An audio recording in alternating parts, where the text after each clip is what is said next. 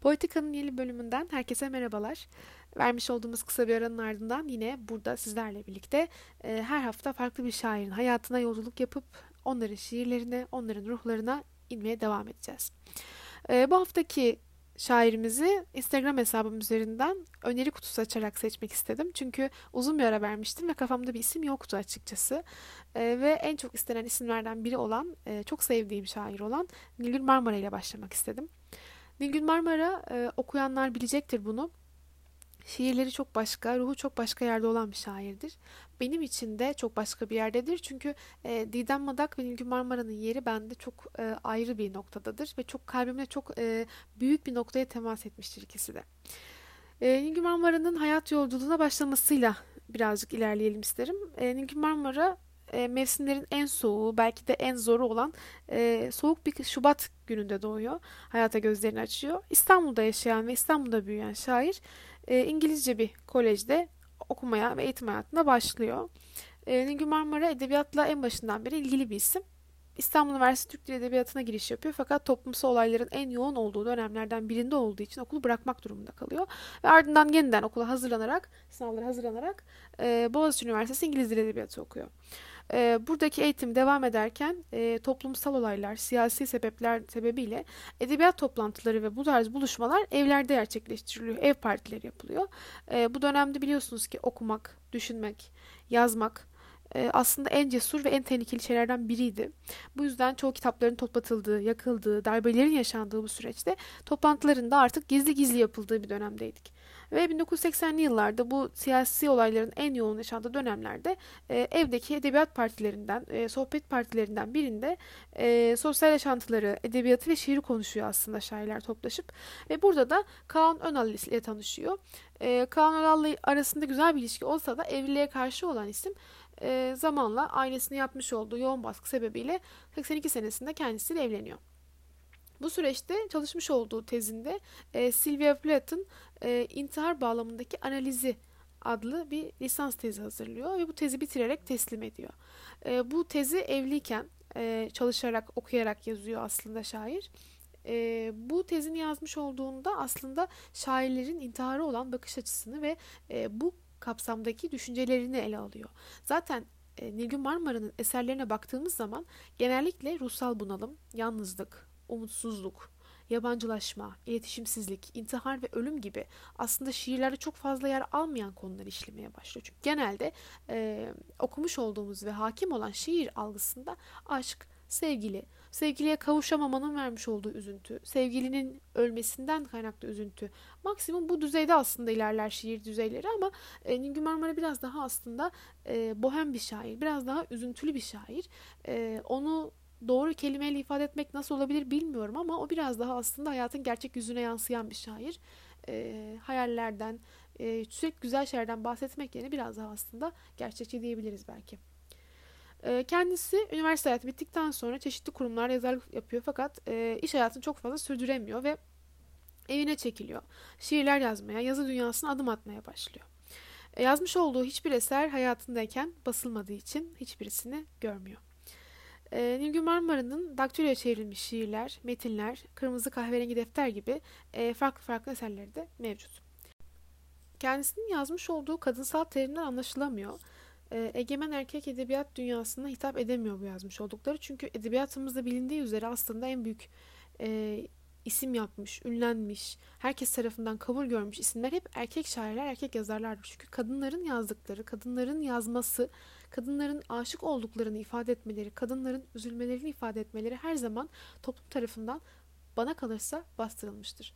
Çünkü kadınlara ait duygular nedense her zaman daha kırılgan, daha basit, daha genel geçer görülmüştür. Bu yalnızca bizim edebiyatımızda değil, yabancı edebiyatta da mevcuttur. Ee, daha önce bahsetmiş olduğum gibi aslında Fürü Feruzat da bu sebeple yazdıklarını okutamadı, dikkat ettiremedi ve kabul görmedi. Çünkü kadınların yazması, kadınların kendini ifade etmesi yanlış, yasak ve ayıp görüldü.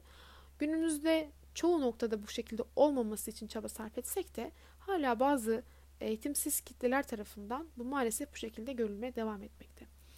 Ee, dediğim gibi kendisine yer bulamıyor, kendisini ifade edemiyor Nilgün Marmara ve erkek egemen toplum olan edebiyatta kendi bir edinemediği için tutunamıyor ve belki de aslında yaşarken anlaşılmıyor ve bilinmiyor. Ee, her zaman kadının ön planda olduğu, kadının kendinden istenilen o eşine layık olma, anne olma gibi şeylerin kendisine uygun olmadığını, bunların ona reddedilecek bir algı olduğunu söylüyor. Ama çevresi tarafından da her zaman cinsiyeti olmayan bir şahsiyet olarak algılandırılıyor. Çünkü zaten e, o kadın olmak toplumun o dönem kadınlığa yüklemiş olduğu kavramlardan o kadar uzak ki ne evlenmek istiyor, ne çocuk yapmak istiyor, ne yemek yapmak istiyor. O anlaşılmak, şiir yazmak, yazmak ve kendini geliştirmek, duyulmak istiyor. Ama bu roller ona yüklenemediği için, bu rollere kendini sığdıramadığı için cinsiyetsiz olarak adlandırılıyor ve çoğunlukla bir kimlik yoksunluğu ve kimlik karmaşası yaşayan biri oluyor.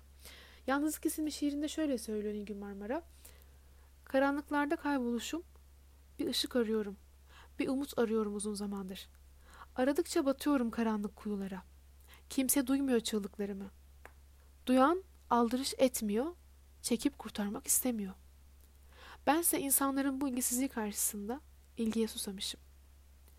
Böyle söylüyor bir şiirinde. E, gerçekten de yalnızlığı, anlaşılamamayı çok dolu dolu yaşıyor. Eşi Kaan Önal'ın e, işi sebebiyle 16 ay kadar Libya'da yaşıyorlar. E, bu süreçte de yine aslında anlaşılamamanın en yüksek süreçlerinden birini yaşıyor. E, Nilgün Marmara'nın öyle uzun uzadıya anlatılacak, senelere sığdırılamayacak kadar büyük bir hayatı ne yazık ki olmuyor. Nilgün Marmara'nın varlığını aslında öğrenen birçok kişi o öldükten sonra fark ediyor. E, Nilgün Marmara'yı intihara sürükleyen sebepler şunlar olarak aslında toplumumuzda şu anda e, ön planda oluyor günümüzde. Otoriteye karşı genelde sessiz kalmayı tercih ediyor. Çünkü artık sosyal baskılar, e, iletişimsizlik, insanların onu fark edemeyişi onu depresyona çok yatkın bir kişilik haline getiriyor. Toplum ve Türk Edebiyatı'ndaki egemen olan erkek düşünceleri, e, evliliğinde yaşamış olduğu bir takım sorunlar ve bana kalırsa edebiyat dünyasına ve hayata, ruh, ruh hayatı, e, kendisini ruh ikizi olarak görmüş olduğu Sylvia Plath'ın hayatını benimsemiş olması da buna etken. E, Nilgün Marmara eşinin de söylediğine göre manik depresif hastasıydı ve sonbaharın gelmesiyle manik atakları daha da arttı. E, düşüncelerini siyahlaştıran, yaşama karşı umutlarını çürüten bu hastalık günden güne devam etti ve bu depresif melankoli halleriyle de kaçmaktan yorulmuş olduğu o karanlık sisten uzaklaştı ve kabuğuna çekildi. Çünkü ifade etmeye çalıştıklarını sürekli söylediği halde anlaşılamıyordu ve anlaşılamamak artık onda bir çaresizliği, bir vazgeçmişliği meydana getirdi. Sustu, kabuğuna çekildi hüzünlü bir sonbahar gününde bir intihar mektubu bıraktı ve 13 Ekim 1987'de evinin balkonundan atlayarak edebiyat dünyasını son cümlesiyle noktaladı. Nilgün Marmara'nın bu hayat hikayesi benim içimi çok acıtır, çok e, sarsar. Her insan ölecek, hepimiz öleceğiz ama onun ölümü ne belki de hayat sebep oldu, belki de dönem sebep oldu bilmiyorum. E, bu canımı çok yakar. Canıma bir şey daha yakar. Nilgün Marmara'nın intihar mektubu. Şimdi size ondan bahsedeceğim. Sevgilim, her gün kötücül bir düşü kurmak ve onu taşımak artık kılgıyı gerektiriyor. Sana böyle büyük bırakmak istemezdim. Ama sen akıllı ve güçlüsün. Çabuk unutursun. Bu durumdan kimse, kimseyi ya da kendini sorumlu, suçlu saymasın. Çünkü suçlu yok. Yalnızca ırmağın akışına bir müdahale söz konusu.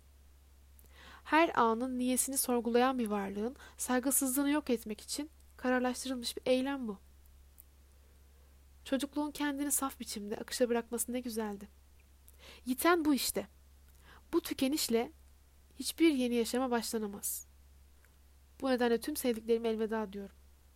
Beni bağışlayın. Buna en çok annemden, babamdan, ablamdan ve Kaan, senden diliyorum. Dostlarımdan da.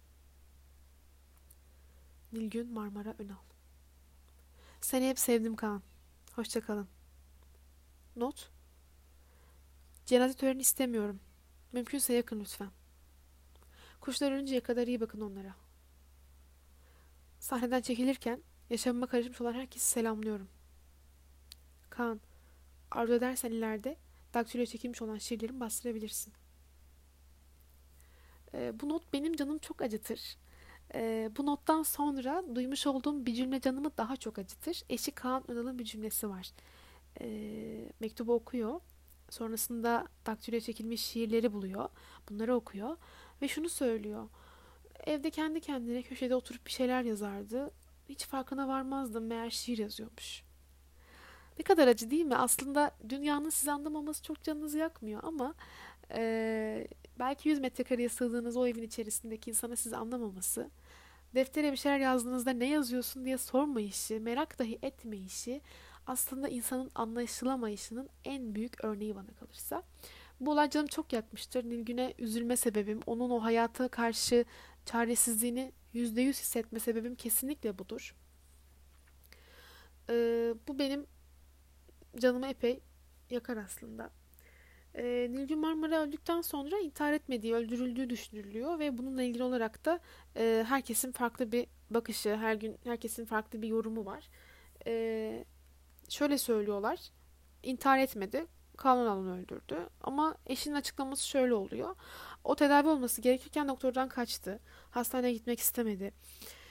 E, doktor bana işiniz zor, tedavi olması lazım ama zeki ve kültürlü yani en zor vakalardan demişti. Çünkü entelektüel faaliyetlerde bulunmaması gerekiyordu. İlaçları dayayacaktı ve uyuşacaktı.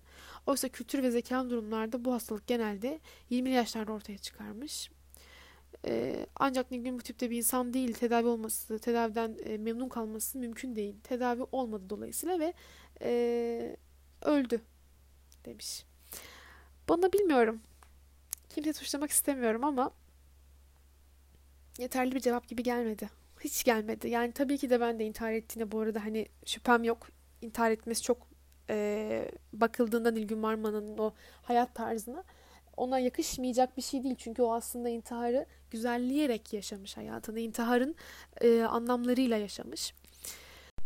E, Nilgün Marmara'nın e, ölümünün arkasından hemen basılan kitaplarında da şöyle bir edebiyat polemiği yaşanıyor.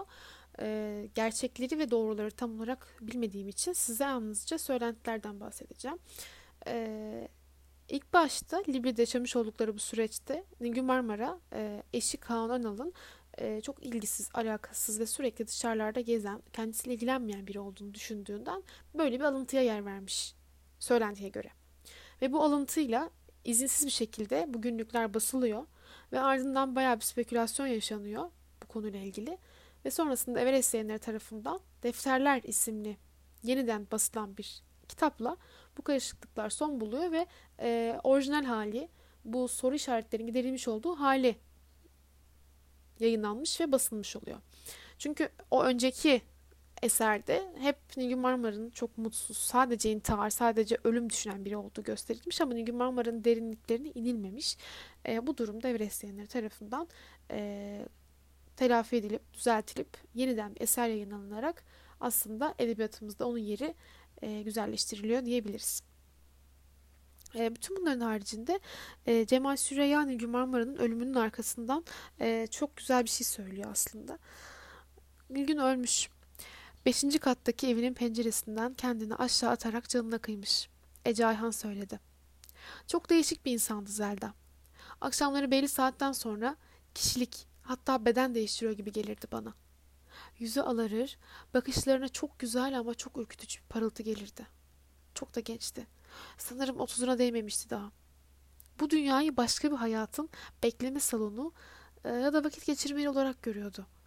Dönüp baktığımda bir acı da buluyorum Nilgün'ün yüzünde. O zamanlar görmemişim. Bugün ortaya çıkıyor.